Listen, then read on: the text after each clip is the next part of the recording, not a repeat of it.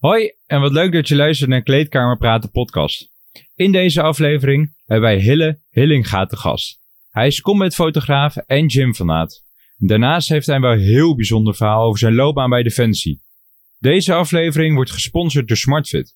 Dus wil je nou lekker met ons meevuizen naar SmartFit? Gebruik dan de code KKP22, want daarmee krijg je bij een eenjarig abonnement de eerste 24 weken 25% korting.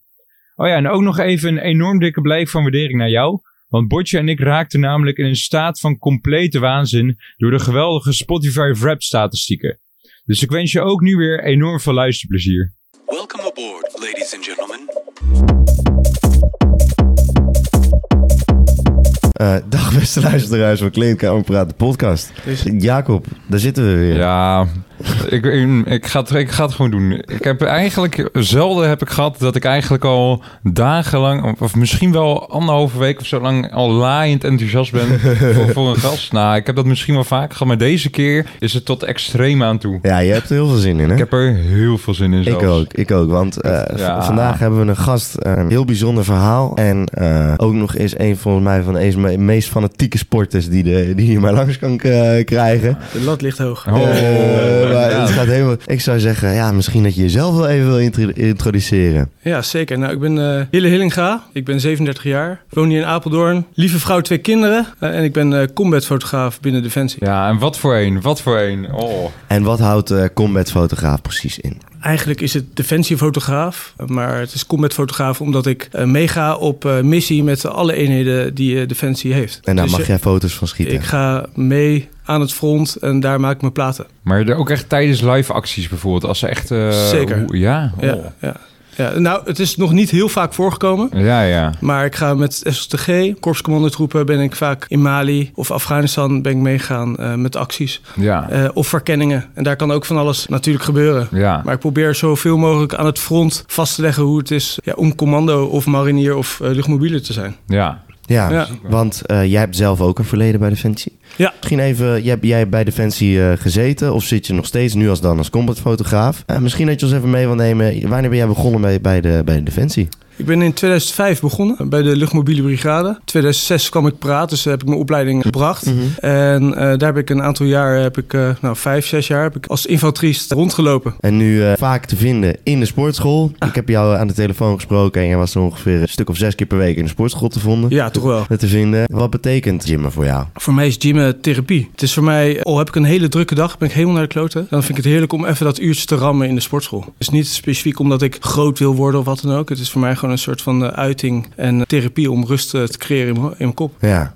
ja. ja. Ja, ik moet je eerlijk zeggen dat wij, uh, wij kregen de tip van jou uh, dat, dat, dat, we jou eigenlijk echt in de uitzending moesten hebben. En toen heb ik een beetje gekeken en toen dacht ik, ja, deze moeten we echt in de uitzending ja, hebben. Tof. nou, dat waardeer ik enorm. Want, het klopt uh, allemaal. Want inderdaad. de foto's die jij maakt, die zijn als eerste al heel ziek. Dank je. en die worden ook wel veel bekeken, volgens mij.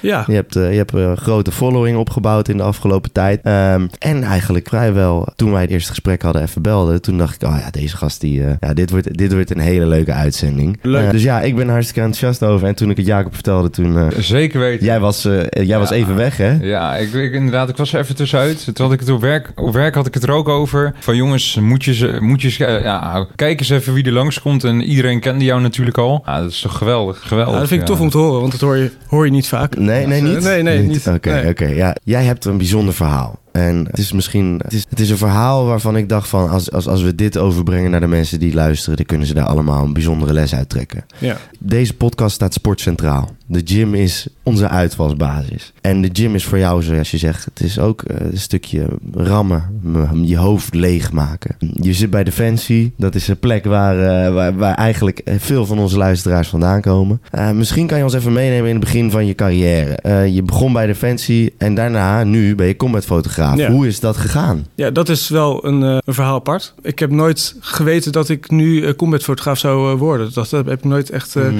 bedacht. in 2007 ben ik op uitzending gegaan voor het eerst naar Afghanistan met mijn eenheid. En uh, ja, dat was wel een flinke uitzending. We hebben wel wat geramd en er zijn wel een, een en ander gebeurd. Maar einde van mijn uitzending, op de laatste operationele rit van een kamp eh, bij de Belucci-vlei naar het kamp waar we naartoe zouden gaan. En dan zou het einde uitzending zijn. Eh, reden we eh, met de Bushmaster, gepantserd voertuig, op een eh, ID. Dus een eh, Improvised Explosion eh, Device. Dus eigenlijk een, eh, een bermbom. Mhm. En ehm, in eerste instantie eh, was dat best heftig natuurlijk. Maar ik was niet heel erg gewond. Nou ben- ja, je hoeft niet... eh, het kan ook heftig zijn als je niet gewond bent.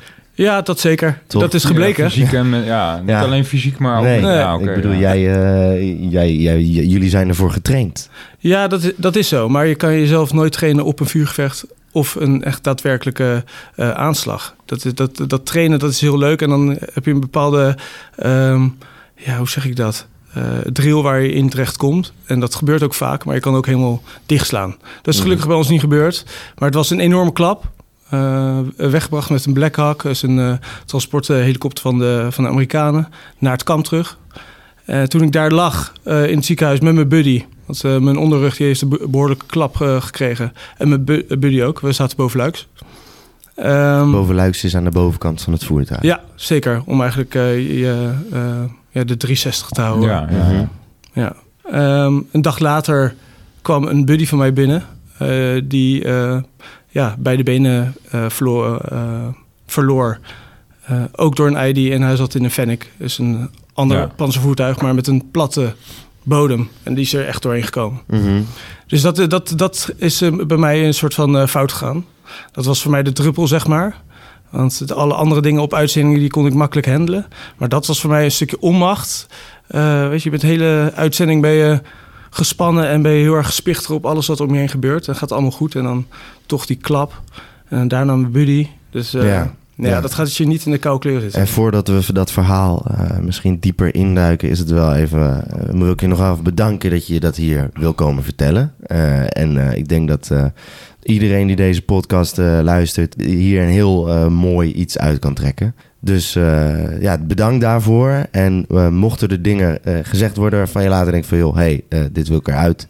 Kan allemaal. ja. Dus weet in ieder geval dat het, eh, het is niet live eh, dat je dat. nee, dus check. just so you know. Ja. Ehm, Jacob, misschien heb jij nog eh, vragen voordat we dat, eh, dat induiken. Ja, eh, wat, ja, je zegt dat het je niet in de koude kleren gaat zitten. Heb je daar dan zo gezegd PTSS aan overgehouden? Of hoe, hoe, hoe heb je dat dan toch weten te verwerken? Ben je er meteen over gaan praten? Of hoe, ja, hoe, Nee. hoe zit dat in elkaar? Ja, dat is eh, eh, eigenlijk de, de grootste fout wat er gemaakt wordt eh, in, eh, in het militaire of politiewereld, noem ik het even zo. Het is een taboe om over je problemen te praten, over, Ja, over ja. emoties. Heb je ergens pijn, dan, dan zeg je dat niet. Of heb je thuis problemen, dan zeg je dat niet. Nee, want je bent gewoon een stoere vent en je wil doorrammen. En toen we eenmaal op Kreta kwamen, dat is na de uitzending eigenlijk direct, dan heb je een soort van weekje dat je met elkaar praat en even rustig een, een biertje drinkt bij het zwembad Ja, voordat je echt naar, naar huis gaat. Ehm, de gesprekken daar eh, met een eh, psycholoog eh, van Defensie, dat was gezamenlijk en iedereen was een beetje lacherig. Van, ah, we hebben toch niks meer gemaakt? Ja, dan ga je ook je bek niet trekken als je een nachtmerrie hebt gehad. Want eh, die had jij. Nou, ik, heb, ik, was, eh, ik was heel erg onrustig. Ik was al een beetje onrustig, altijd al. Ja, Dus een beetje die spichtigheid. ja. Maar daarna was het echt extreem. ja En- want je, bent je bent op uitzending en wat je zegt, ja, daar moet je natuurlijk eh, dat zijn. En dan gebeurt dat. Ja, En dan word je naar het ziekenhuis gebracht. Ja. Eh, was je toen nog bij bewustzijn? eh, ja zeker. Ja. Hoe heb jij dat moment ervaren? Nou, ik was heel blij dat ik alles nog had. Ehm, Dacht je niet in één keer, toen, eh, het moment, eh, kan je ons meenemen naar het moment dat dat gebeurde? Misschien dat het lastig is, maar Ja, nou, we gingen een, een vehicle checkpoint eh, inrichten voordat we daadwerkelijk teruggingen naar, eh, naar ons veilig kamp. We dachten, dat doen we nog even voor de zonsondergang en dan eh, kijken of we nog wat eh, kunnen pakken. ja. En we stonden daar 10 minuten en het was zo rustig dat we dachten, nou, we, we breken af, we gaan lekker naar het kamp en dan zijn we klaar. En we hebben toen niet gesearched terug, terwijl we de weg heen wel hebben gesearched. Dus het zoeken van explosieven met, eh, eh, ja, gewoon op fysiek en... eh, maar toen is er dus toch iets geactiveerd op de terugweg, dat kleine stukje, die paar honderd meter, dat er iets afging. En ja, dan wordt het even zwart voor je ogen. Want ik zat bovenluiks en die knal was bij de bestuurderskant. En daar zat ik ook. Dus ik zag wel, ik weet nog dat ik een soort van gele vlam zag. En ja, het, voertuig stuiterde even. We zaten in een Bushmaster en dat is een voertuig wat gemaakt is eh, tegen bermbommen. heeft een V-vorm aan de onderkant, eh, waardoor de druk van een, van explosief eh, verdeeld wordt. Dus ik heb echt enorm mazzel gehad. Als je in een ander voertuig had gezeten, was het eh anders Zoals, afgelopen. zoals die maat van me Ja. eh, de volgende dag, dan is het, eh, ja, die komt er gewoon doorheen, want het is Ja. een platte bodem. En die bestuurder, dat is dus je buddy die ook in het ziekenhuis is schijnen. Nee, zeker niet. Nee, een dag later is er dus van een andere eenheid, Ja, eh, een gozer die ik heel goed kende, ja. eh, erop geknald. maar hoe is dan met de... Want hij, hij ging aan de bestuurderskant af. Hoe is dan met de be- bestuurder afgelopen? Of, Goed, jij had zijn voet gebroken. Oké, Ja, oké. ja. Nou ja. Ja, en we stonden op een randje van een afgrond. Want er was aan de linkerkant een afgrond met rotsen. En het eh, pedaal sloeg omhoog. Oké. Kapot, de, Ja. waardoor die zijn voet brak. Ja, Eh, maar hij kon dus ook niet meer remmen. Dus we hebben mazzel dat we niet verder zijn gerold, zeg maar. Mhm. Ja. Ja. Ja. Zo. en dan is het alleen maar stof om je heen. En je hoort eh, radioverkeer eh, van, de, van, eh, van, eh, van het konvooi achter ons. Want van, die, wat is er gebeurd? Ja. Ja. jullie waren het voer, voorste voer... Oké, ja, ja. Ja. Want er zaten een paar- MB's achter ons. Dus Ja. eh, eh, van die eh softtops. Dat zijn dus eigenlijk gewoon Mercedes-Benzjes. Ja. Die eh, G-Wagons. Ja. Ja, maar ja. dan, eh, ja. Ja. Dus wij zaten veilig voor, zeg maar. Omdat we gewoon een sterk voertuig hebben. Ja. En dan, eh, dan zie je die gele vlam. En eh, wat gebeurt er dan vanaf dat moment? Ja, even, even helemaal niks. Want eh, ik sloeg eh, eerst omhoog eh, door de druk. En toen weer naar beneden.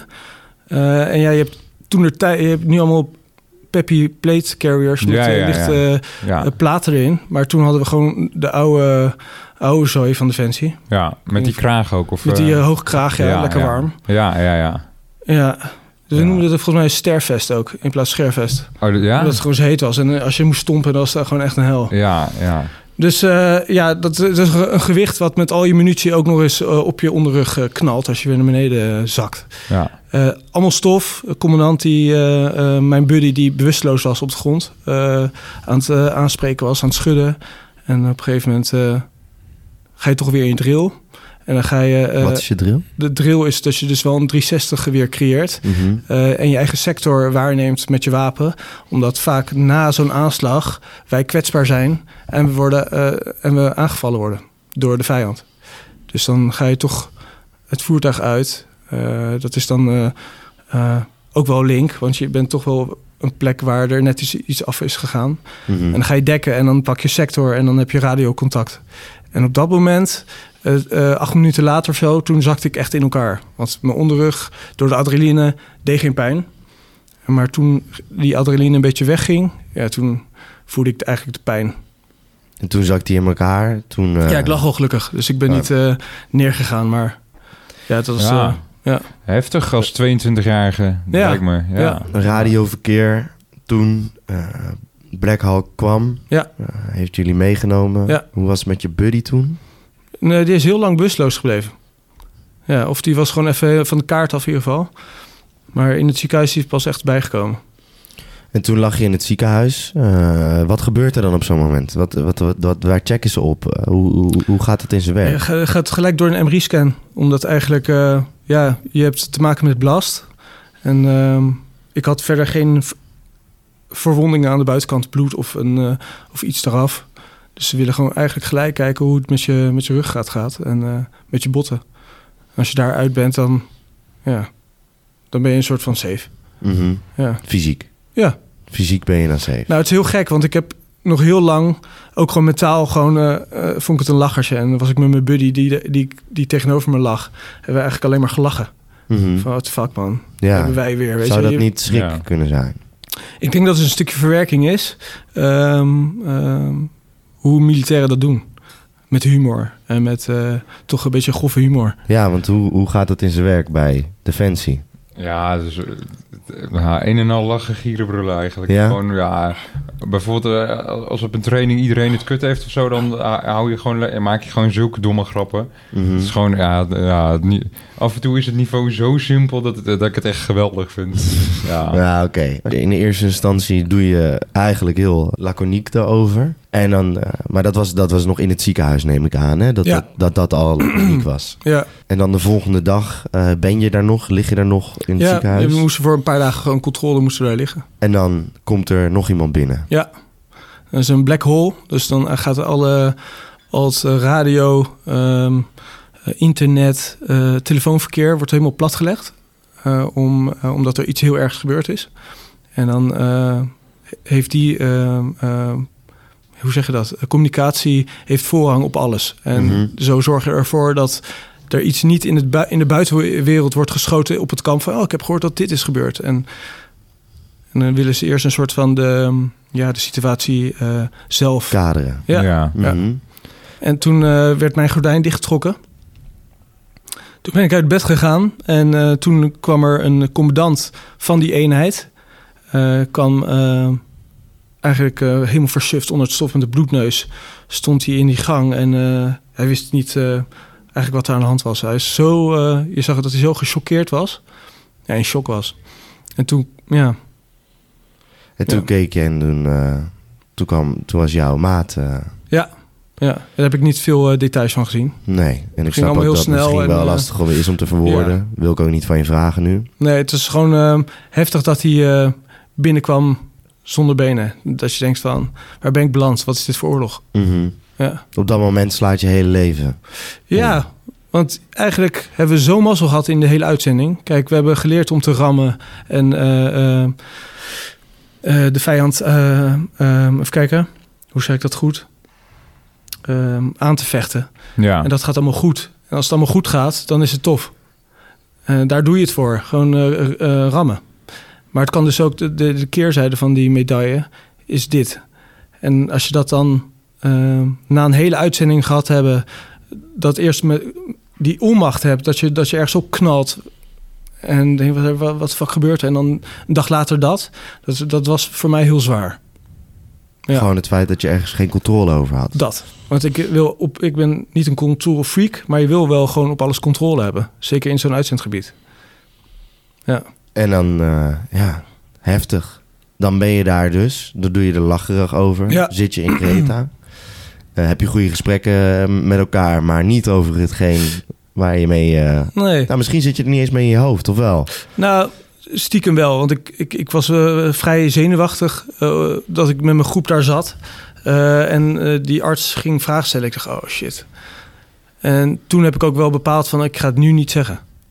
En ik had misschien ook wel, het was zo kort dag, dat ik dacht van ja, maar dit is gewoon een, ehm, een natuurlijke reactie van mijn lichaam, dat ik de eerste avonden nachtmerrie heb gehad, een stukje verwerking. Ik dacht, nou, dat, ik denk als ik een auto-ongeluk ehm, maak hier in Apeldoorn, dat ik eh, misschien ook die nacht eh, slecht slaap. Maar, maar, maar ehm, als er zoiets heftigs gebeurt, is dat dan niet bespreekbaar als je in zo'n setting zit? Om, om te vertellen dat je daar een nachtmerrie over hebt gehad. Ja, misschien wel, maar ik denk dat het toch dat taboe is in het leger en dat ik nog heel jong was, rode beret dra- dragend, heel erg trots. En ik hoorde eh, de corporaals, ik was soldaat eh, eerste klas, en dan heb je corporaals boven je, en sergeanten, en die hoorde je niet en die hoorde je lachen. Dus eh, nogmaals, ik geef hun niet de schuld hoor, Nee, van, nee, van nee, dit. Het is een eigen dingetje, maar ik denk dat ik het gewoon voor mezelf heb gehouden, omdat ik dacht, ik ga dit eerst zelf fixen. En dat is het probleem bij Defensie, bij heel veel lui. Ik fix het zelf wel, ik doe het wel in mijn rugtas en het komt wel. Mhm. Ja, eigenlijk wel bijzonder dat er op de plek waar de meest heftige dingen gebeuren, daar het minst over wordt gepraat. Ja, zeker. En eh, is dat ook misschien een van de redenen waarom je hier nu zit, om dat toch te delen? En ik heb ook een filmpje van jou gezien dat je bij, op een Instagram-pagina, geloof ik, van Defensie, eh, dat je dat eh, aankaarten, dat mensen daarover moeten praten. Ja, Dus dat is... Ik probeer op, op mijn social media ehm, en met uh, maat van mij, ook een, een, een marinier. Ik Robin, misschien ken je hem wel. Van 5-5 oud, Van- toch? ja, ook? ja, ja. Knak. Ja, ja, ja. Ja, dat is Ja, ook echt een rammer en die, Ja. heeft, eh, eh, die heeft ook PTSS. En die heeft het helemaal vervormd en die is echt, eh, ehm, die heeft echt een statement, statement gemaakt. mhm. Eh, ja, en ik help, help hem daarmee om in ieder geval binnen Defensie, maar eigenlijk is het overal, ook bij de politie, is het een stoer wereldje. Om gewoon, dat het veel stoerder is om te praten over je problemen dan dat je het niet doet. Want Mhm. Of het nou een uitzend gerelateerd is of je hebt thuis ruzie met de vrouw, dat gaat uiteindelijk gaat dat doorcijpelen bij, eh, in je werk. Mhm. En als jij in groepsverband eh, werkt, kan je zeggen van ja, ik, ik hou mijn bek, want eh, dat gaat niemand wat aan en dat is niet stoer. Maar dat kan ook heel erg negatief uitwerken als Mhm. jij met je kop er niet bij bent. Of eh, iets triggert jou wat jouw maten niet weten. Ja. En die snappen daar niks van. En als je dan eh, operationeel bezig bent, ja, dat kan gewoon levensgevaarlijk zijn. Ja. Ja. En ehm, dan kom je thuis na zo'n uitzending. Ja. Hoe gaat het dan? Ja, niemand sna- eh, snap je thuis natuurlijk. Of natuurlijk zeg ik wel erbij. Maar die weet dat jij een uitzending hebt gedraaid... en dat je gewond bent geraakt. En eh, die vragen wel hoe het gaat en zo. En ik denk dat ik ook natuurlijk... Ik ben heel trots op mijn werk. Dus ik zal ook niet al te veel eh, vertellen... in de zin van mijn, mijn zwakheden. Dus ik, ik heb daar heel lang mee rondgelopen. En ik ben ook weer gewoon... eh, na mijn verlof eh, ben ik ook gewoon weer door gaan werken... En ik merkte nog steeds dat er niemand last had Ja. van waar ik last van had. En daar kwam nog eens bij, bij kijken dat ehm, ehm, die maat van mij, die zijn been is verloren, dat is een, een, een, een dag later gebeurd. En voor mij is dat, was dat een soort van, eh, ik, een soort van meting van wie ben ik om te zeuren over mijn nachtmerries en over mentale, dat ik heel spichtig ben nog steeds op straat, dat ik omheen kijk, dat ik me kaal voel omdat ik geen wapen bij me heb, s'avonds met de honden uitlaten, dat soort situaties. Eh, maar hij is zijn benen kwijt. Dus ik, ik meet hem heel erg met hem af. En dat heb ik jaren gedaan. Van, ik moet niet zeiken. Die gast heeft zijn benen, is zijn benen kwijt. En ik heb, ja, ik ben wat agressiever, Ja. zeg maar. Want wanneer kwam bij jou dan het besefmoment dat het, eh, ja, dat het eigenlijk gewoon niet, het, het klopte niet allemaal? Of dat, Nou, dat je er toch over moet praten? twee dat jaar later. is. Ja. Ja, twee jaar later, toen ging het zo slecht, ook thuis. Ehm, ik werd eh, heel erg agressief in de zin van, ik heb niemand geslagen. Eh, maar mijn ex, die, die trok het gewoon niet. Ik was op alles, moest, alles moest kapot slaan en omheen en heel kort lontje. Ik kon heel vrolijk zijn, uit niks was ik omgeslagen. Ik kon niet vertellen wat er met me was. Nachtmerries, eh, als ik s'nachts bijvoorbeeld... eh, toen ik nog in Den Haag woonde, in het centrum hoorde je dronken gasten naar huis rijden op de fiets. En die stopte dan even. En dat, dat ving, ik, ving ik weer op als... Hé, wat, dat is een andere situatie. Wat is aan de hand?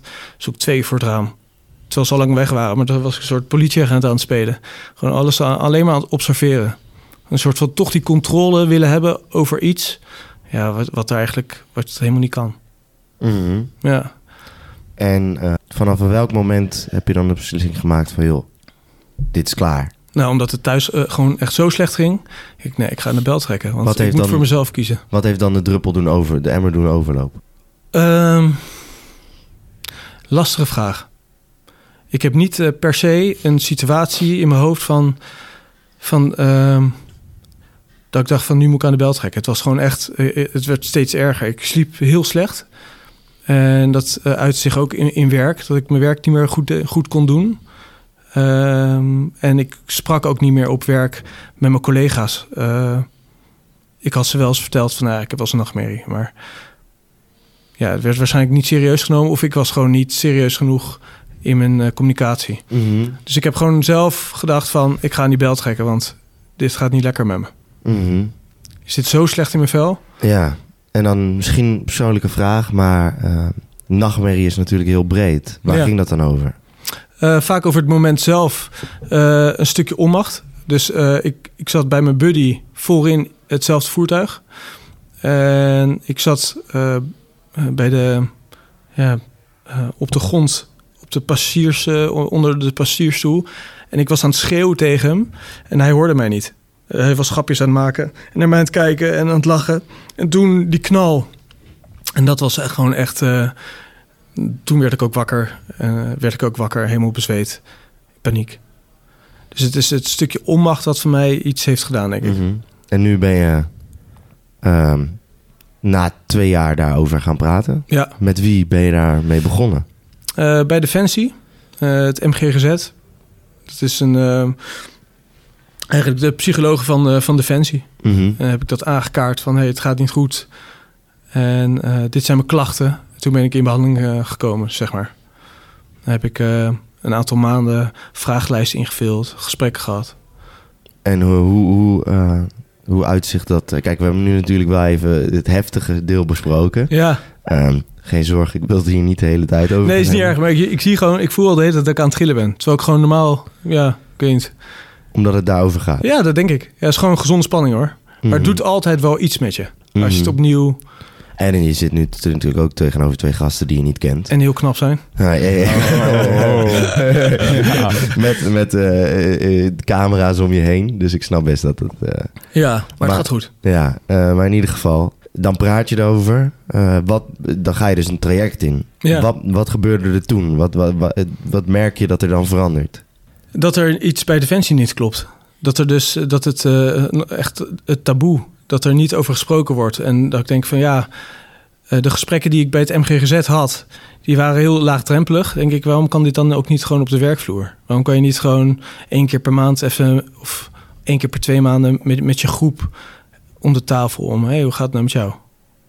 En ik hoop dat dat gewoon, gewoon de standaard wordt. Dat, dat, eh, dat mensen niet meer bang zijn om om over gevoel te praten. Maar dat het Mhm. juist goed is. Mhm. En wanneer kreeg je de diagnose PTSS? Ik heb nooit de eh, diagnose PTSS gekregen.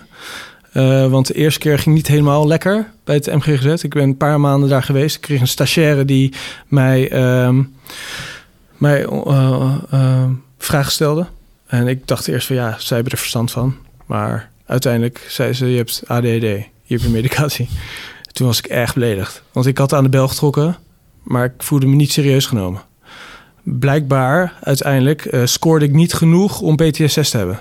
Dus je kan klachten hebben, eh uitzendgerelateerde klachten. En dan heb je eh, ja, traumatische ervaringen en traumatische uitingen. Mhm. Maar het hoeft niet per se PTSS te zijn. PTSS is een, een stuk heftiger en dan heb je echt, echt heel veel nachtmerries, heel veel klachten. En dan kan je ook echt niet meer functioneren. Mhm. Dus op het begin was ik heel erg eh, beledigd, want ik wilde niet PTSS eh, hebben. Maar toen kwamen ze met ADD. Toen dacht ik, wat, eh, Ja. hoe dan? Ja, Dan denk je Wat dus de hele, nou, de hele tijd dat, Ja. je, dat je moeite al hebt gehad om erover te praten. Omdat je het gevoel hebt van... hé, hey, ik mag me niet aanstellen. Ja, Ik, eh, heb Doe je kwetsbaar opstellen? Ja. En dan krijg je een soort van duw in je gezicht van... Joh, je stelt je aan, je hebt ADHD. ja, dat kon mijn moeder ook wel vertellen tien jaar geleden. Ja, oké. bedoel, Ja. ja, dus, Nou ja, ik snap heel goed dat, dat je dat denkt. En wat Ja. heb je toen gedaan? Hoe heb je dat... eh, toen heb ik weer heel lang op de bank gezeten. Maar ze hebben me in die... ehm dat ben ik eigenlijk vergeten, eh, ver- vergeten te vertellen. Ik heb een, moest een bezigheidstherapie eh, kiezen. mhm. tijdens die gesprekken. En daar heb ik over nagedacht. Uh, mijn opa en mijn vader die fotografeerden. Niet professioneel, gewoon creatief, een beetje plaats schieten. En daar, heb- daar hebben ze mij wel echt in meegenomen. En dat is... eh, ik was daar zo creatief in. En dat was ook wel echt iets eh, als kind. Ik was heel creatief. Tekenen, schilderen, fotograferen. Ik dacht, als ik dat weer oppak, misschien gaat het dan wel beter. En eh, fotografie heb ik opgepakt. En dat is toen mijn passie geworden. En dat heeft echt mijn leven weer op de rails gezet. Net als sport. Want eh, wat ging je toen eerst fotograferen? Mijn vriendin, mijn honden, een beetje natuur, van alles wat. En op een gegeven moment heb ik mijn camera meegenomen naar werk. En eh, zei ik, kan ik tijdens oefeningen foto's schieten? En die foto's, dat ik ja eigenlijk... Ik vond het zo tof om te laten zien eh, eh, wat mijn werk inhield. En eigenlijk door de ogen van een militair te zien hoe het is eh, ja, om te werken. En dat in beeld te brengen. Dus eh heli's, acties, eh, alles eigenlijk gefotografeerd. En dat werd toen zo, ga, zo gewaardeerd eh, op eh, mijn Instagram die ik toen aanmaakte. Ik dacht, ik maak een Instagram aan, af en toe wat posten en iedereen ja, was laaiend. Enthousiast. Hoe is het eigenlijk met de rest afgelopen van, eh, van je buddies destijds? Eh, goed. Ja. Ehm, eentje heeft ook nog wel mentale klachten, heeft hij later verteld. Eh, tijdens een, eh, een meeting met z'n allen. Maar dat eh, eh, gaat allemaal goed. En eh, mijn buddy, eh, die zijn benen verloor, ehm, die eh, heeft meegedaan met Invictus Games. En oh ja, die, ja. is, die is zo vol met passie. Mhm. Ja, Want eh, ja, hoe, hoe- hoe- heb je nog veel contact met hem? Ja hij, doet mee met de Invictus Games. Hij heeft Mhm. al eerder ge- meegedaan met de Invictus Games. Mhm. En eh, eh, hij werkt bij de korpscommandotroepen als wapenhersteller. Dus eh, Oké. hij zit vol met passie. En, eh, ja. kijk, Ja, dus dat is onwijs Ja. gaaf om, om te zien. En dat heeft mij ook weer heel erg eh, geïnspireerd. En ik, Mhm. hoop, ik hoop velen. mhm. Ja, ook een mooi verhaal dus. ja zeker. Ja, Misschien voor ons in achterhoofd. Ik weet niet of je daar enthousiast voor is. ja ik, maar- ik zal het hem vragen. Nou, dat zou wel vet zijn, denk ik. ja. Ehm, Oké, een stukje eh, verwerking nu, nu eh, gehad. Je gaat, naar, je, gaat, je gaat fotograferen. Je bent heel je leven al lang al bezig met sport. Want je zit bij Defensie en jullie, eh, tenminste jou kennende, jij loopt eh, terwijl we elke avond he- ons helemaal naar de tering aan het zuipen zijn in, in Kroatië. In de ochtend nog even 10 kilometer. Ja, ja, ja. Slaat helemaal nergens Dat op. is een lifestyle. Ja, Ja. ja gewoon, ja. Ja, Ik jij, weet niet, ja. jij, jij hebt er gewoon nog zin in. Ja, ja. Maar eh, op een gegeven moment gewoon echt ook de, de gym ingedoken dus. Ja. Of deed je dat daarvoor ook al? ja, dat deed je daarvoor ook al, maar dat deed je ook maar wat. En nu was het voor mij echt, hoorde het echt bij die therapie. Of eh, het is voor mij echt therapie. Gewoon even rustig worden. En als ik een beetje opgefokt was, dan is, is dat de plek. ja. Ja. Mhm. Praat je veel in de gym? Nee, ik heb mijn muziek in. En er zijn natuurlijk wat standaard gasten die, net als ik, ook gewoon daar niet voor de, voor de lol komen en voor, voor te kletsen. Eh, daar, daar heb ik dan wel een babbeltje mee. Maar ik ben echt helemaal in mezelf. Pre-workoutje erin en rammen. Met je, Muziek in, psychose. Ja, zeker. Ja, ja. ja, kaart rammen. Ja, Duidelijk. heerlijk. Ehm, toen wij belden, toen zei je nog van... joh, ik wil misschien meedoen aan eh, de Invictus Games. Ja, En eh, dat is wel echt iets heel vets. Want eh, misschien kan je zelf vertellen over, over wat het is... en eh, waarom je daar graag aan mee wil doen. Het bestaat al jaren natuurlijk, Invictus Games. Dus door Prins Harry Ja, is dat in het leven Ja, geroepen. ja, Hij is nu geen prins meer, hè? Eh, nee, hij is eh, weg. Maar hij heeft wel de- echt eh, een van de mooiste vrouwen ter wereld. ja, dat sowieso. Dat, zo, ja, ja, ja. Ja, dat is een knappe dame. Ja, ja, ja, ja, ja. ja. Ja. Ben je al in de DM's geslijt, bro? Van Megan? Nee, nee, nee, nee. Nee, Ik zou het niet proberen. nee nou, Ja, nou, kan, je kan proberen. Ja, ja. Lukt vast wel, hè? Ja, jongen. Nee. Maar ik, eerlijk, eerlijk gezegd dacht ik altijd dat de Invictus Games voor eh, oud-militairen zijn die, die fysiek gewond zijn geraakt. Ja. Dat, dacht Dat ik. is het plaatje ook wat, het me- wat wat de meeste mensen denken. Ja, Het is, eh, de Invictus Games is gerecht- gericht voor veteranen en actief dienende militairen die fysiek of mentaal gewond zijn geraakt. oké. ja, Ja, dat wat- was voor mij ook nieuw. Mhm. Eh, maar ik vond het altijd zo gaaf om te kijken. En, en ik ging daar als opdracht van Defensie fotograferen. Ja, ja, ja. Maar misschien eerst nog even handig om te zeggen... wat is dat nou precies, de Invictus Games? Wat heeft Harry opgezet? Hij heeft opgericht een, eh, eh, een internationale sportwedstrijd met verschillende soorten sporten voor eh, actief dienende militairen, eh, veteranen die mentaal en fysiek of fysiek wond zijn geraakt. Mhm. Een soort van een stukje zelfoverwinning. Het is niet eh, per se dat je daar moet winnen. Je doet het echt voor jezelf Mhm. en als groep. En er wordt geen medaille uitgereikt? Zeker wel. Oké. Ja, ja, ja. ja het, is, het is wel serieus. Wel de snelste eh, tijden Ja. en de verste Ja. sprongen. Maar het is eigenlijk, of eigenlijk, je doet het eh, echt voor jezelf. Dus als jij mentaal helemaal naar de kloot bent eh, en je PTSS bijvoorbeeld, of je hebt traumatische dingen meegemaakt, dan kan je ervoor kiezen om een sport te doen en daar train je voor. En dat is een stukje zelfoverwinning om daar mee te doen. En jij wil daar aan meedoen? Zeker. Want je zei ook aan de telefoon tegen mij van... ja, ik wist niet eh, zeker of ik daar überhaupt wel aan mee kon doen of wilde doen. Nee, ik heb ja, ook weer jaren heb ik gedacht van, ah, lijkt me zo gaaf, maar ik ben niet gewond genoeg. Omdat ik het verhaal in mijn hoofd had van, ja, maar ik heb fysiek, heb ik alles. Ook weer... Ik heb pa- een ja. passie, ik, ben, ik voel me goed. Ik heb wel klachten, maar ik heb handgrepen gekregen van Defensie... waar als het even niet lekker gaat, dan gaat het toch wel weer goed met... Dus Mhm. ik dacht, ja, wie ben ik om mee te doen? Ja, dus stel ik me dan niet aan. Nee, Alweer. ja, alweer, ja, precies. Dus het was ook voor mij een, eh, een, een overwinning dat ik me heb aange- aangemeld, zeg maar, voor mezelf. Omdat ik, eh, ja, ik dacht, ik, ik moet gewoon meedoen voor mezelf. En dat, eh, ja, ik zit nu in de selectie. Dus ik hoop eh, eind januari te horen of ik eh, met mijn twee sporten, kijken, boogschieten en powerliften mee kan doen. Oké. Ja. Ik inderdaad... Lijpe eh, combi. Ja, Ja, ja, ja, inderdaad. ja, maar, daar- maar daar komt hij. Eh, boogschieten is echt... mensen denken, ja, waarom ga je nou weer boogschieten? Weet je, je kan toch ook rennen of zwemmen? Maar ik, ben, eh, ik sta binnen Defensie eh, ook wel bekend bij de infanterie als ongeleid projectiel. Ik heb ADD, ik ben super druk, korte spanningsboog. Alles moet snel. Ik was mini-schutter. Ik was alleen maar aan het rammen als een gek. Mhm. En dan kom ik daar eh, en dat staat gewoon haaks, haaks met mij, boogschieten. Mhm. Daar heb je een stappenplan van 20 stappen. Ademhaling helemaal rustig. En het is echt. Maar ik heb daar mijn rust gevonden, juist. Die eh, innerlijke rust die ik niet kende. Ja, als ik sliep. Maar. Dus dat is, dat, dat is voor mij een uitdaging geweest om dat eh, ja, te overwinnen. Of in ieder geval dat te, te beheersen. Dus daarom heb ik daarvoor gekozen. Een stukje rust voor mezelf. Ja. Ja, En kan je het goed? ja kan het wel redelijk. Ja, gaat goed. Ik zag ook een eh, behoorlijk boogje op je Insta voorbij komen. Ja, Dat is, eh, ja. ja, ja, gaaf man. ja, zeker. En met Ja. powerliften, wat zijn een beetje je, je stats? Ehm, nou, het is dus zo dat Ik hoop dat dat gaat veranderen bij de Invictus Games in de toekomst. Maar het is eigenlijk alleen eh, bankdrukken. Oké, ja. Ik hoopte op eh, eh, squat en alles. En Ja. deadlift. Ik hoop dat het in de toekomst nog eh, gaat komen. Maar ik was Ja. nooit heel sterk in, eh, in bankdrukken. Wat ben je? Nu eh, 115. Eh, twee keer. Dus dat, dat, dat is wel, voor sommigen is dat veel. Nou, Voor heel veel bodybuilders die hier als gast hebben gezeten, denk ik, gozer, daar doe ik mee, mee warm, eh, warm draaien. ja, ja. Maar voor mij is, dat- is dat gewoon al eh, best wel wat. Nou en ik ja. hoop dat ik 125 misschien volgend jaar, als ik word geselecteerd. Ja, Ja. want eh, wanneer zou dat dan zijn? Ja, ik heb eh, net een selectiegesprek gehad. En ik, eh, je hebt dan open dagen. Eh, dat is nu al vier maanden aan de gang. Open dagen waar je aanwezig moet zijn of kan zijn. En dan wordt er gekeken van hoe vaak is hij aanwezig. Want het gaat natuurlijk ook om het team samenstellen en of je lekker met die jongens gaat. En eind januari hoor ik eh, of ik erbij zit of niet. Volgens mij 88 man doen mee. En dan mogen er 16 mee eh, naar Düsseldorf. Oké, ja. Dus het is, ja, ik hoop gewoon dat ik erbij zit en anders niet. Ja, is logisch. Ga je het dan nog een keer proberen? Ja hoor, maar ik blijf sowieso trainen in Doorn.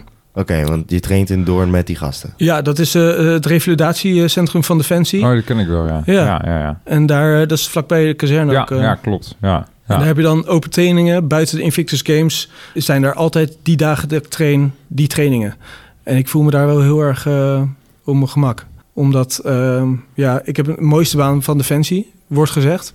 Maar ook de eenzaamste. Hier komt nu, ehm, ik ga nu op uitzending, alleen, eh, met een eh, civiele vlucht. En daar word ik opgehaald door de, door de eenheid. Daar doe ik dan eh, mijn ding. Daar kan van alles gebeuren. En dan ga ik weer alleen terug. En een dag later zit ik weer thuis bij de vrouw. Dus het is, het kan, het is ook een beetje link en eenzaam. Heb je wel... ken je die gasten op voorhand? Vaak wel, omdat ik best wel lang bij Defensie al zit. Mhm. En het is wel een, een kleine familie. Oké, en je denkt niet, ze denken niet van, joh, gaat die gozer mee met zijn camera? Hm, Soms wel, maar dat ijs heb ik snel gebroken. Ja? Hoe, Ja. Heb je dat, hoe breek je dat dan? Gewoon lullen met die gasten. en, eh, praten over uitzendingen en een beetje slap ouwe. Mhm. Hoe, hoe ze bij Defensie praten. Beetje afgestomd. Mhm. Ja, en dan zeggen ja. oh, die gozer is oké. Ja, ja. Oh, luchtmobiel gezeten, oké. Ja, Dus, oké. Is een beetje... Je- Ja, dat ijs, dat vind ik wel leuk altijd. Dat is Ja. het belangrijkste ook van fotoshoots. Of het nou binnen of buiten Defensie is. Als mensen heel zenuwachtig zijn om dat ijs te kunnen breken. Want anders heb je nooit goede foto's. Ja. En als je mee wil in die geoliede machine op een, eh, op een missie... dan kan je je niet...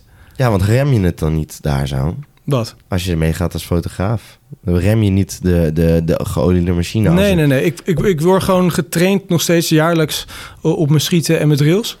Dus ik ben wel echt in hart en nieren nog steeds militair. Ehm, en ik ga echt embedded met die gasten mee. Tuurlijk ben ik een extra pax die op die bak zit. Maar ehm, ik, ik- je moet mee met die geoliede machine. Want anders ben je wel een, een, een Obstakel. obstakel. Ja. Maar ik weet, ik weet eh, uit drills en uit mijn eigen ervaring... waar ik wel en niet kan staan tijdens spannende momenten... of gewoon sowieso hun eh, optreden. Mhm. Want je treedt zelf niet mee op in dat soort oefeningen. In de zin van met mijn wapen. Ja, je bent zelf echt Ik heb mijn wapens wel bij me. Dus Ja. ik ben wel gewoon wapendragend. Kort en lang wapen. Maar het is, als ik mijn wapen moet pakken... dan is er echt iets eh, echt mis. Ja. Dat is Ja, niet de bedoeling, zeg maar. Nee. Ja. Eh, wat zijn de vetste... Als je nou echt één moment kan opnoemen van... joh, dit was zo'n moment. Het is zo'n vet moment dat ik daar een foto vandaan heb. eh. Dan eh, is het toch wel... ehm, even kijken. In Litouwen geweest met F-16's. Eh, ik kreeg de mogelijkheid eh, om air-to-air te, sh- te shooten. Dus eigenlijk een, eh, in de lucht een F-16 eh, fotograferen op 10.000 voet. Ik zat dan in een kleiner eh, vliegtuigje, een Spartan heet dat. Dus iets kleiner als een Hercules. En de achterklep kan open. En dan zit je met een sling vast. En dan is je radiocontact met die piloot. En dan eh, hang je dus eigenlijk op 10.000 voet naar beneden te kijken met je camera. Echt over de rand helemaal. Om die plaat te maken. En dan komt hij zo onder je zo. Zo. Ja, en dan, Lijp. ja, Dat, is, dat is ziek. En dan, dat is ook gaaf om, te, om, om aan te geven, joh, een stukje naar links of rechts. En dan doet hij dat. En dan doet hij zo. En dan gaat hij weer. Ja, dat is, dat, dat is voor mij wel het, eh, een ultieme opdracht geweest. Of in ieder geval extreem. Ben jij de enige in je vak? Zeker niet. Nee? Nee, nee, nee. We hebben tien andere fotografen, combat fotografen. Omdat er gewoon zoveel klussen zijn om heel Defensie af te dekken. En het is niet zo dat we alleen uitzendingen doen. We doen ook eh, als de minister een portret eh, nodig heeft voor een stuk, doen wij die, dat portret maken. Mhm, mhm. Ja, oefeningen eh, bij de mariniers, scoutweertrainingen, bergtrainingen. Ja, ja, ja. Alles, alles pakken we mee. En dan gaan we, stompen we mee. Ja, dus het is ook fysiek is het nog wel echt beuken. Ja, zeker. Ja. Lomp stompen. Lomp stompen. Ja, Ja. En vergeet niet, ehm, als wij die berg op gaan, met mariniers bijvoorbeeld, eh, dan slaap ik ook daarboven. Eh, dus ik moet mijn tas ook meenemen. Plus al mijn gear. En het is niet zo dat ik alleen maar achterhoofden wil fotograferen. Dus ik ga om die groep heen naar boven en dan maak ik mijn platen en dan ga ik weer zak ik weer terug naar mijn locatie en dan dus eigenlijk maak ik, ik zeg niet dat ik het zwaarder heb. Ja, dus, ja, eigenlijk wel. Ja. Nee, maar ik, ik moet wel gewoon fysiek eh, sterk zijn om eh, mee te kunnen stompen. Ja. Want ik ga vaak een aantal dagen mee de berg in en zij zitten er weken. Dus ik, dat wil ik wel even recht, eh, recht zetten. Ja, mooi zo. Ja, Ja, ja. Nee, nee. De super, momenten ben ik weg. ja, ja, ja, precies. Heb jij wel eens met een fotograaf... eh, ja, één keer in Zuid-Frankrijk was dat. Er was, waren, ik weet niet of dat komt met... Maar ja, er was ook gewoon een fotograaf mee inderdaad van Defensie. En verder niet, denk ik. Ja, ook een keer op koud weertraining waren er ook wat... eh, wat- ja, ook een fotograaf. Ja. Verder niet. Dat was wel een mediaploeg een keer eh, toen ik in Irak... eh, maar het was niet... eh, Airbehoef. ja, ja, ja, Ja. ja. mooi man. Dat klinkt Ja. echt... eh, ja, klinkt echt als een hele toffe baan eigenlijk. Ja, Ja. dus je hebt gewoon variatie van, eh, van heel hoog 10.000 eh, voet in de lucht. Of eh, gewoon tot je neus eh, eh, in, in, in de jungle in Belize. Ja. Zo. Ja, dat is gewoon vet. Ja joh. Ja, tussen krokodillen en slangen, dus lachen. Dat, dat is, echt ziek, jongen. Ik zie Ja. filmpjes op, jou, eh, op jouw Instagram zag ik voorbij komen. Ik dacht, jongen, wat, wat lijp. Ja, nee, ik heb echt wel echt mijn droombaan gevonden. En ik, eh, ja, dus ik, ik hoop dat ik dit nog echt nog jaren volhoud. Kan je dat eigenlijk alleen als, eh, als militair doen? Of zijn er ook burgers die worden opgeleid? En, eh, of Nou, wordt er wel gewoon, ja, Nee. het lijkt me dat je wel gewoon bepaalde ervaring nodig hebt. Lijkt mij. Ja, eh, al zijn er wel ehm, eh, een aantal fotografen, omdat het zo druk werd, aangenomen uit de burgermaatschappij. Die doen dan wel een algemene militaire opleiding Ja, bij de marine of bij de landmacht. En die hebben dan een pak aan. Dus eh, wel ja. een soort van spijkerbroeken, maar die, ja, ja, die krijgen de ervaring door combatfotograaf te zijn en mee te gaan. Spijkerbroeken? Ja, Ja, dat sp- ja. Als je gewoon eh, uit de burgermaatschappij komt. een dus, verkorte eh, opleiding eh, doet ja. eh, als militair. Ja, ja. Ja, Wat is het ook een soort secte, hè? Die, die Ja, jongen. Jullie, grote eh, familie. Jullie ja. zijn ook altijd echt... eh eigenlijk, is eigenlijk lijp. Dat heb ik echt wel door jou een beetje ontdekt. Gewoon Ja. Hoeveel jargon daar wel niet aan te pas Ja, komt. dat, is, dat, is- ja, dat is echt dat is ongelooflijk. Hoeveel, voor alles is wel een ander woord. Ja, ja, dat is echt bizar, hè? Ja. Jongen, jongen, jongen. Ja. Maar eh, zijn er nog dingen die je graag wilt doen? In de toekomst. Mijn Instagram is eh, aardig ge- geëxplodeerd. eh, omdat eh, gewoon de mensen mijn foto's mooi vinden. Dus eh, ik heb een enorme doelgroep gecreëerd. Maar ook eh, heel wat eh, merken uit Amerika bijvoorbeeld... die mijn foto's zien en van... hey, vet, hier stuur ik je gear op. Kan je, kan je dat dragen? Of kan je hier foto's van maken? En dat is ook eh, dus ik ben ook heel erg content creator... eh, ja, voor, voor, voor brands. en dat vind ik ook heel gaaf. Gewoon stil leven, zo in mijn woonkamer om gekke le- ledjes en dan maak ik een product, zet ik op de foto. Dus dat vind ik heel erg leuk. En ja, ik heb een eh, eigen kledingmerk, maar dat is even tussen en lippen door. Ah, hoeft niet tussen deze lippen door. Ja, Nee, joh. Vertel. ja, hartstikke ziek hè? Met je, Weet met je, je, je moet, je Ja. moet wel begrijpen dat het... Het ziet er misschien niet fucking professioneel uit en zo hier zo. Maar wij zijn begonnen gewoon in de woonkamer met twee microfoons. Lullen over eh, sporten, alcohol en vrouwen. Vooral inderdaad. Ja. En dat altijd brak eigenlijk. Ja. Ja. En nu zitten we hier voor de eerste keer een uitzending met, eh, met allemaal mensen om ons Ja, heen. maar En, gaaf, eh, man. Ja. Ja. dus voor ons is het ook even... Mega. Dus wij zijn helemaal niet lastig over... joh, als je een kledingmerk hebt, eh, kan je niet zeggen... joh, dat moet je gewoon zeggen. Ja, ja dat is waar, dat is waar. Ja. Dat, wij, zijn, wij doen helemaal niet... eh, Nee, Nee. Vooral als het iets is waar je trots op bent. Of, eh, Ja. ja, Ja. ja. Maar voel je we- vrij. Vertel. Eh, het merk heet Igor James. James, dat ben ik, dat is mijn tweede naam. En Igor, dat is mijn eh, compagnon, mijn maat. Eh, we sporten vroeger heel vaak. En we dachten, we gaan iets neerzetten, we willen nieuwe kleding, iets gaafs neerzetten. En ik had een idee om een grid op een arm te printen. Een grid waar ik gewond ben geraakt in Afghanistan. En dan met de opbrengst daarvan een deel iets te doen voor mensen met een mentale of een fysieke beperking. Een sportdag of in ieder geval dat ze samenkomen.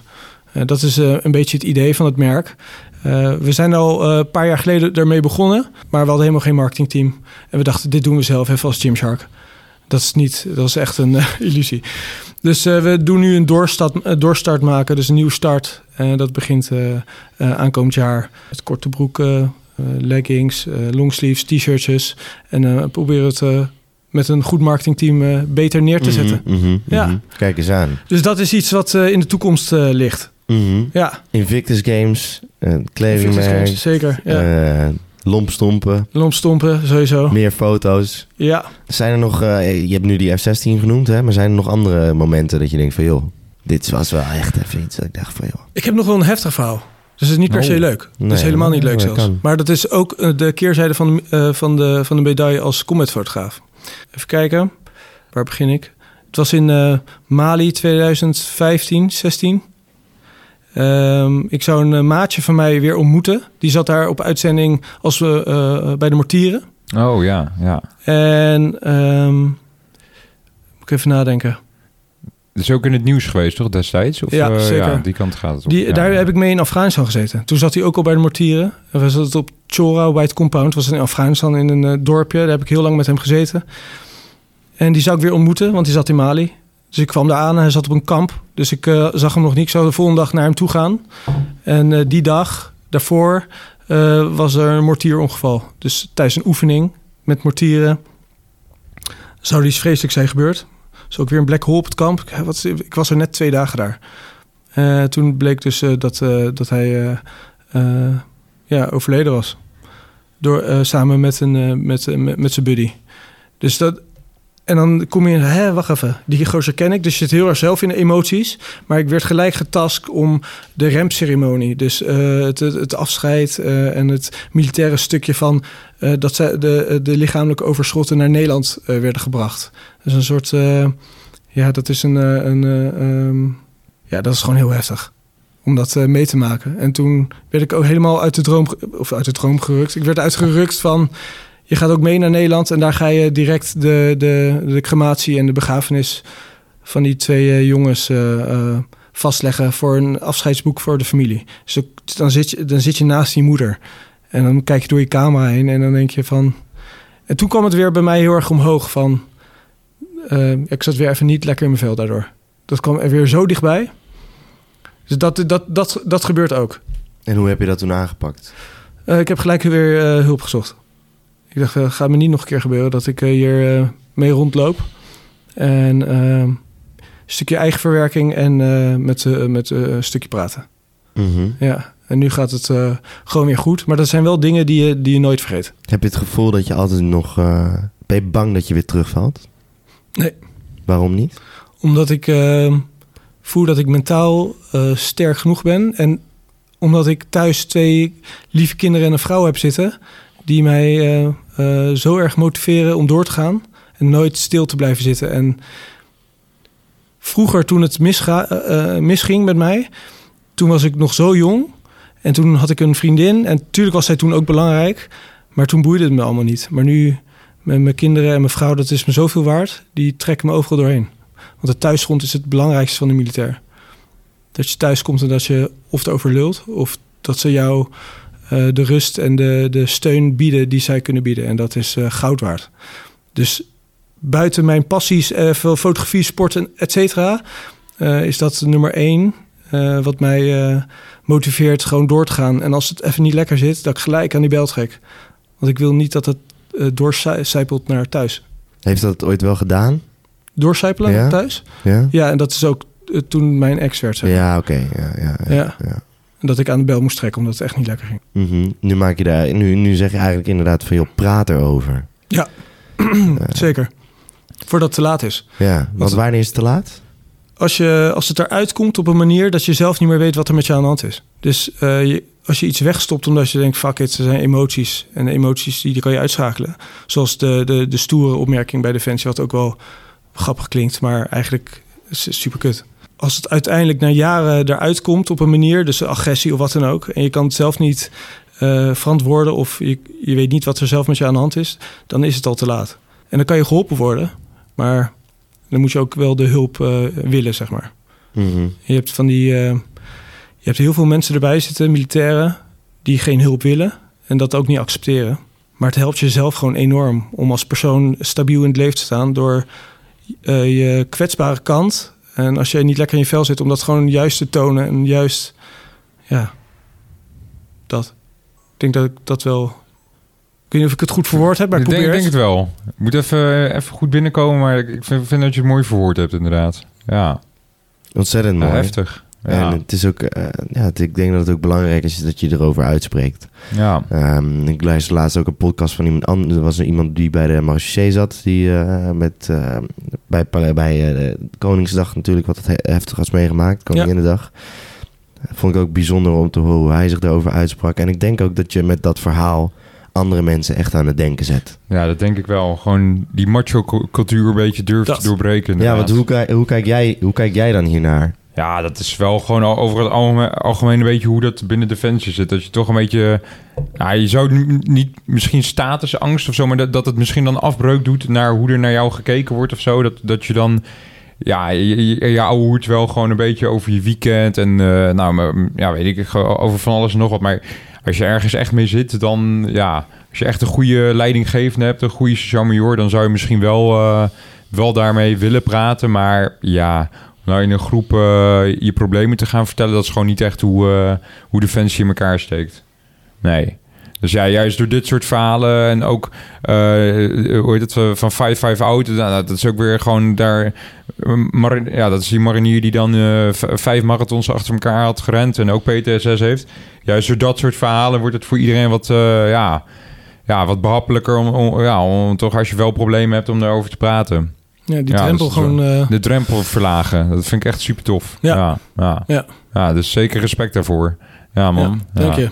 Oké, ik denk dat we het heftig even achter de rug moeten laten. Eh, even, jongens, we zitten hier wel even met twee gasten die gewoon allebei gestoord in de sportschool gaan. Tenminste, ik ben, eh, ik ben, degene, ik ben degene die dat het minst hard doet. Oh, Sport Eh, jij helemaal niet? Ik sport wel, ja.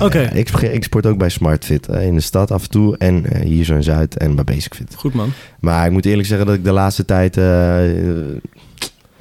eh, eh, ik, ben niet, eh, ik ben niet op status. nou, nou, nou, nou. Hoe vaak train je per dag? Eh, ja, ik trainde eerst vijf keer per week. Het ging hartstikke goed. Eh, heb ik echt heel lang gedaan. En nu is het eh, dus van vier keer per week naar drie keer per week geworden. En nu zit ik in de laatste twee weken zelfs op twee keer per week. Dus dat ba maar ben je heel erg druk? Want Ja, maar het is alsnog wel kloten. Want ja, ik merk dat als eh sporten uitvalt, dat dan eigenlijk het hele kaarthuis in elkaar stort. En Ja. eh, dat is wel iets waar ik tegenaan loop. Dus het is... eh, ik, ben ook, ik, ben ook, ik ben een ADHD'er. ja. Oh, en chill. eh, ik kan niet plannen. nee, ik ook Dus niet. ik heb een soort...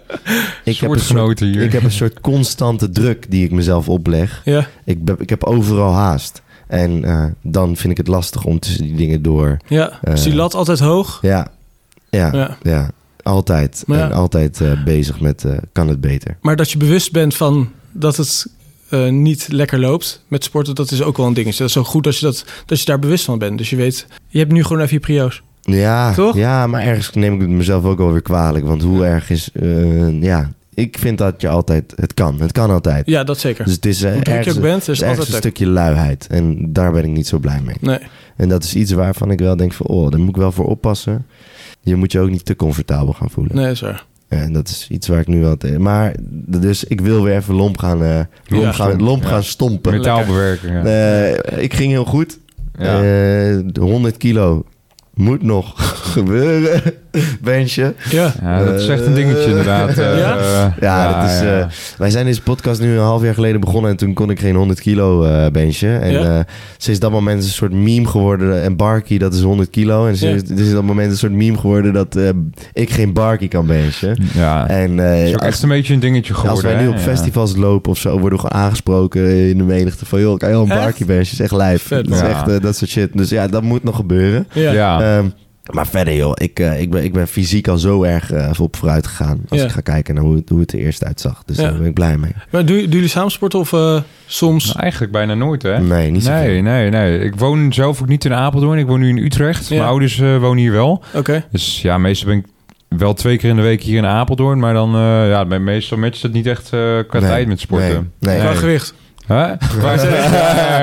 Ook, ook dat niet. Ja, ja, Ook dat niet. Ja, ja, goed. Ah, wij hebben wel eens... eh, maar kijk, eh, die Dirty, dat is een jongen die, die duwt er een gekke scoop in... en die gaat compleet psychotisch in die sportschool. Ja. Die, die, die, die schreeuwt er alles bij elkaar. Nee, nee, nee, hij gedraagt zich wel, maar... Ik hou het intern, de. Ja, Ja, precies. ja, ja, ja, Je bent wel eens... eh, ja, dat je is je ook bent een geen schreeuwer, ja. toch? Nee, op Vind ik zich ook niet. Ja, geen type. nee, nee. Misschien als ik ooit één rem doe... Nee, eigenlijk, nee, dat schreeuw ik eigenlijk ook Jij niet. echt. schreeuwt niet in de sportschool. Je bent Nee. geen ASO. Nee, Nee, nee, nee. Ja, zeker. je houdt rekening met Ik vind anderen. dat ook echt ja. aso. Ja, ja. Maar kijk mij. Ja. Ja, nee, jij schreeuwt niet. Jij bent alleen Nee. als je in de auto zit en je doet een scoopje pre-workout. Oh ja, dan zeker. schreeuw je heel die auto kapot. Ja, ja, zeker. lachen, man. Ik heb ook één, eh, één kruispunt hier in Apeldoorn. Want ik sportte eerst bij de Basic Fit. En ja, eigenlijk bij dat kruispunt daar schreeuw ik altijd uit het raam. Echt? Dus ik, ik weet niet wie daar woont, maar dan... ja, vet, dat is echt heel Ik wil het een keer meemaken. Ja, dat kan ook zo echt. naast hem zitten. Ja, maar dat, tegenwoordig doe ik dat ook niet meer. Nee, nee, nee. Eh, even terugkomen. Wat is jouw favoriete eh, oefening in de gym? Lunches. Oh ja. Dat is echt mijn favo. Ja. Hoe, hoe, hoezo dan Gewoon met de stang. En dan, eh, ik, mijn max is nu... Ik zit nu op eh, 100, eh, 115 lunches. En dat vind ik echt heerlijk. Oké, Gewoon scheuren. ja. En hoezo dan lunches en geen Bulgarian split squat? Eh, die doe ik niet. Oké, oké. Heb je die wel lunches ooit vind ik heerlijk. Ja, wel eens, ja. Ja. Maar ik vind lunches gewoon echt eh, lekker. Ik vind het echt... eh, ik weet niet, dat is gewoon mijn favo. Ja, Ja. waarom zou je die Ja. er dan uithalen? Dus benen trainen is je... Ja, dat is ook iets met onzekerheid te maken. Vroeger was ik echt heel, heel dun. En ehm, ik werd een keertje gepest. Omdat ik geen kuit had. Oh, nou, ja. toen ja. was ik 16 en vanaf eh, die dag heb ik mijn kuit getraind. Ja, Dus de kuiten komt bij mij vier keer in de week eh, voor. zo. Ja, vaak Zo. het iedereen wegstompen met mijn Gozer, grote kuiten. wat, heb Ja, jij, ja, ja. Ja. wat heb jij kleine armen? Ja, thanks. Vanaf deze dag Ja, ga ik elke ja. dag heen. Een grapje, is een grapje. Ja. Weet ik, weet ik, weet ik. lompe beukers. Ik ga even een jargonwoordje erin fietsen. We hebben dus elke week een jargonwoordje en een grafkelder techno eh, nummer van de week. Ja. Een jargonwoordje is altijd iets van, van werk gerelateerd wat, eh, wat eigenlijk verder niemand begrijpt. En eh, zo wil ik eh, de burgermaatschappij verlichten met eh, defensietermen. Oké, Dus het jargonwoordje van deze week is beasting. beasting. Ja, ja jij weet weet wat natuurlijk het wat het betekent. Ja. Ja. Beasting. Jij, Guido? Beasting. Dus een gok? Eh, Een beasting. Kan je het in een kleine context plaatsen? Ja, maar dan verklap ik het denk ik. Oké, hij ondergaat een beasting. Ja, hij wordt getortured. Tortura. Ja, ja, ja. Hij wordt, eh, hij wordt even flink aangepakt. Ja, bij Defensie werkt veel, we- ja, veel als, je, als je iets verneukt of gewoon niet goed doet. Mhm. Of eh, je zit in een bepaalde opleiding. Ja, dan, eh, dan moet dat rechtgetrokken worden. En dan, eh, nou, dan word je op de vierkante meter vaak helemaal uit elkaar getrokken. Met eh, push-ups, burpees, noem maar op. Ja, of het is gewoon, volg maar even. En dan moet je achter een voertuig aanrennen. Echt? Ja, gewoon een beetje Ja. dat soort dingen. Ja, wat is, nou, wat is nou het kutste wat je daar kan doen? Wat is nou echt hetgene waarvan je denkt van... Oh, als ik die beasting moet ondergaan, dan heb ik zo'n... eh, Ja, ik, ik weet hem meteen. Ik ook niet. Nee? Oh, ik, ik weet hem wel namelijk. Wat je dan? hebt namelijk je hebt, eh, nou, de waterbak. Eh, nou, je, moet ook gewoon wel eens oefenen met snel mogelijk je, ja, je tas uitpakken en dan gewoon eh, snel in je slaapzak. Maar ja, je hebt dus ook drills voor als je nat bent. Hoe, hoe je dat dan moet doen, zeg maar. Dat je dan je natte pak uitdoet als je in je slaapzak gaat. En dan als je op pad gaat, doe je weer je natte pak aan. Ja, nou, dat is super kut. Dus als je dan eerst de waterbak in moet, dan moet je vaak eh, in de kruipgang een beetje, eh, ja, gewoon binnen zoveel tijd, eh, zoveel vaak er doorheen. En dan moet je dus weer die drill doen dat je je tas moet uitpakken en dan je slaapzak. En dan daarna weer je natte Ja, zandpak aan. Kut. Ja, en als je dat dan een paar uur achter elkaar moet doen, Ja, dat is niet oké, man. Moet je dat een paar uur achter elkaar doen? Nee, ik heb dat nooit gehad, maar Nee. bij de mariniers een dingetje zijn. het is een keer voorgevallen. Ja, oké. Ja. Holy shit, ouwe. Ja. Wat vind jij de kutste... eh, Vind ik een lastige. Ik heb, ik heb niet zo 1, 2, 3 eh, iets eh, dat ik echt... eh, ja, die sl- slotenmars vind ik echt eh, kloten. En eh, als je dat opnieuw, even heel vaak opnieuw moet doen. Mhm. Dat vind ik ook eh, door die tunneltjes kruipen en dan eh, niet goed is opnieuw. En dan gewoon uren doorgaan. Dan geven we echt eh, naar de kloten. Ja, Ja, ja, absoluut ja. ja. Ja, wat, wat is een slotenmars? ja dat, dat- gewoon marsen, dus met een tas zeg maar. Maar dan ja, door of versloten of door eh, ja, van die, eh, bij, wij- ja, bij van die weilanden, van die net, eh, ja, eigenlijk gewoon mega kut. Halve blubber, Ja, helemaal vast. En door die, door die buis heen kruipen. En dan elkaar duwen, omdat iemand vast zit. Echt helemaal geruk. Dat is gewoon helemaal kut. Ja, is niet oké. ja, of dat je zo'n stukje, zo'n stukje hebt eh, te- waar je dan nog adem kan halen. En dan, ja, nou ja. Nee, Ik bespaar je de, ja, Word jij nog vaak afge... nee, nooit. Nee? Nee, Ze laten jou een beetje... eh, nee ik, ik, zit, ik zit niet meer bij mijn oude eenheid. Dus eh, ik heb gewoon mazzel. Ik werk gewoon helemaal op mezelf. Ja, oké, maar Ja. ze zeggen niet tegen jou van doe even mee. Nee, ik, ik zou, het zou wel kunnen. Maar nee, ik Nee? vind het goed zo. Ik beest gewoon eh, in, de, in de gym. Ja, lekker. Ja, zo is Maar het. goeie. Ja. En straks eh, in Düsseldorf. zeker. Nou, ik hoop het. Ja, daar Ja, gaan gewoon de rode we mikken erop, hè. Daar gaan we 100% voor. Ik hou En als, als, ja, Ja. sowieso. En dan moeten we gewoon weer zitten. Ja. Want eh, dat, moet, eh, dat moet gewoon gebeuren. Ja, Ja. zeker. Eh, Jacob, je... Mijn graf- grafkelder techno-nummer van de week. Dat is ook weer zoiets. Dat is eh een, Oh, jij moet hem ook opzoeken. Nou ja, ik weet hem niet helemaal uit mijn hoofd. Ja, pak hem maar hoor. Kan wel. Maar ik heb ook, eh, oké, een grafkelder techno-nummer van deze Hij week. heeft het allemaal doorgelezen al. Ik heb hem een showprep toegestuurd. Hij wist gewoon al de- wat, er, wat eraan zat te komen. Hij had Ja. al een nummer voorbereid. eh. Ja, zeker. Hou jij waar- waar- waar- hou je een beetje van techno? Of, Ja, eh, te ja? hard bezig. Ik hou ervan. Oh, lekker man. Ja. Ja. Ja, ik ben ook helemaal, eh, helemaal los op. Ja. Dus het grafkelder techno-nummer... Oh, ja, zeker. van deze week is 3, of t- 3 AM in Berlin van Alex Farrell. En als ik er toch nog even een... eh, ja, als ik Ja, hier... je moet hier even gewoon even wat goeds mee. Kom op. Ik heb hier... Oké. Ga er even goed voor zitten. Visu Oké, dit is het mooiste stukje. Visual visualiseer je. 3 a.m. in Berlin. Wat, wat betekent dit? Nou, sluit je ogen en ga met me mee. Het is ten tijde van de, het is ten tijde van de Berlijnse muur, weet je wel. Het is, nou, je- jij woont aan de ene kant van de Berlijnse muur en je ziet een prachtige Afrodite aan de andere kant van de Berlijnse muur. En eh, ja, die, die muur, ja, om daarbij te komen moet je oversteken. Het is 3 a.m., het is dus, het is dus nachts. Het is, eh, ja, en dan denk je van, ja, oké, dit is mijn moment. Je, je besluit om, de, om de, de, de overtocht te maken. Je, je klimt over de Berlijnse muur heen. Ja, allemaal prikkeldraad. Het maakt je niet uit. Je hebt het doorgeknipt. En je, bent, je, bent, je, je wil net de afsprong maken. En ineens hoor je een beetje duistere klank op de achtergrond. En op dat moment, op dat moment zie je zo'n schijnwerper. Zie je eh, niet, niet rustig jouw kant op komen, maar ineens, ineens is die schijnwerper er. Dan met die duistere klank op de achtergrond en, en een schreeuwende vrouw in de verte. Ja, jouw, jouw vrouwtje eh, is het. eh, Nou, dan het betekent één ding: het is rennen geblazen. het is nu of nooit. En op dat moment besluit je gewoon van. Ik ben de alfaman, het is rennen. Nou, dus eh, je rent weg en, en met, die klanken en, en het gestamp van jouw geluid... begint een beetje zo'n techno-nummer te vormen. En eh, uiteindelijk heb je het gehaald. het is overwinning, overwinning. Ja, inderdaad, zo is Hoe het. doet hij dit? Dit is mega, man. Ja. Ik, ik krijg er een kippenvel van. Dit Oh, is- Ik zie, zit helemaal in. Dit, is Oh, wat, eh, dit is wat onze podcast maakt. Ja. En eh, dit is ook... eh, jij bent een tijdje weg geweest. Hij was, hij was eh, even, even op... op eh, waar was je? Je was weg. Amerika. Je was Ja, gewoon ja, even ja, weg. ja. En eh, moest ik het eh, acht weken eigenlijk in totaal eh, zonder hem doen. Maar dat is echt niet leuk. Heb je het wel geprobeerd? Ja, ja, we hebben gewoon acht weken, acht afleveringen alsnog gedaan. Ja. Maar ah, het, is, eh, dit is zoveel minder leuk als Ja. jij er niet bij bent. Ja. jongen. Dan wordt het gelijk helemaal kut. Insgelijks. Het is wel, het is wel, je hebt andere soort gesprekken, maar samen beginnen is altijd samen doen. Dus, ja, eh, zo is het. dus zo is het. cash specials even samen aan de glühwein. Ja, Dus ja, even een jaartje even Dan gaan we gewoon inderdaad, dan gaan we tijdens de aflevering ook aan de glühwein. En dan, nou, ik denk dat we dan drie kwartier later behoorlijk dronken zijn. Ja, Lachen, Ja, ik- ik- Moet gewoon kunnen. ja, ja. Ja, daar, ben ik ook, daar heb ik ook geen alcoholtolerantie, want ik ben drie maanden, ik ben nu al drie maanden gestopt met drinken. Dus Ja. 5 december dan mag ik weer een drankje doen. En Ja. dan, eh, dan, is het, eh, Ja. Goed van je.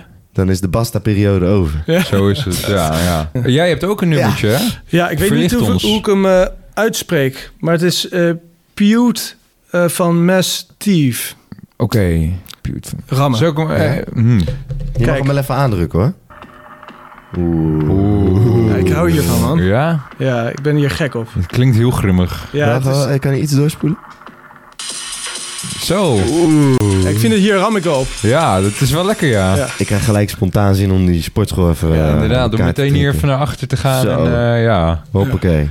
Lekker man. Maar- We gaan hem... Huh? Doe jij, eh, doe jij pre-workout? Ja, Ja? we sporadisch. Ja? Dus niet als ik in de avond train, sowieso niet. Nee. Alleen eh, eigenlijk in het weekend wel eens en of op werk. Ja? Maar nou, ik denk dat het misschien eh, twee keer in de week is normaal. Ja, ja. Mag ik iets, eh, mag ik iets overhandigen? Zo. Vind je, vind je dat oké? Ik Ja, wil tuurlijk niet- mag. jullie Het, niet. eh, Ja hoor. Ik, eh, ik werk eh, met Riva. En die heeft Oh. nu net Ah. twee dagen geleden Oh. hebben ze een pre-workout eh, Ah. Op de markt gebracht. En ik ben een van de eerste die pina colada, echt mijn lievelingssmaak. Ja? Toevallig. Oh, Maar die is, die is rammen. ja joh. Ja, dit is rammen. Is het ook op de markt? Zeker, net. Oké, echt oké, net, oké. net. Oké Ja. dan. Oh, Nou Riva, Ja, dit is, Kom weer PR, de PR-breker. ja, Oh, dit is wel ik ben even... heel benieuwd man. ja. Ja, is goed. Dat, eh, nou, die, eh, ik denk Probeer dat, hem samen eh, die of gaat eh, apart. hij morgen Ja. al meteen in gaat, ja. Ja, Geweldig. Ja. Ja. Hartstikke idee. Laat me weten wat je ervan vindt. Ga ik doen. Ja, ik, ben goed, ik ben heel goed in reviews schrijven ook. Dus, Eén eh, scoop mooi, voor Ja. medium kick, anderhalve scoop voor high kick.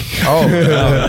Gewoon twee. Ja, hartstikke, ja, ja. hartstikke bedankt, man. Ja, Dit is wel lachen. 260 milligram cafeïne ook. Ah, lekker. Kijk hem Geweldig. Ja, ja. Ja. Tof, man. Nou, Dankjewel. Ik denk dat we hem, Ja. eh, de aflevering kunnen afsluiten. Eh, Hille, dit was eh, een van de beste afleveringen die er, die, ik, eh, die, die er is gemaakt, denk ik. Ik denk een van de meest unieke verhalen. Ik denk dat onze luisteraars laaiend enthousiast zijn. En, eh, Ik vond het ook super gaaf om hier te zijn en om een verhaal te doen. Bedankt Ja. daarvoor. nou ja, Ja, en tot, bedankt, tot ja. in de toekomst. Ja. Zeker. Nou, sluit hem af. Hoes. Hoes. Dankjewel.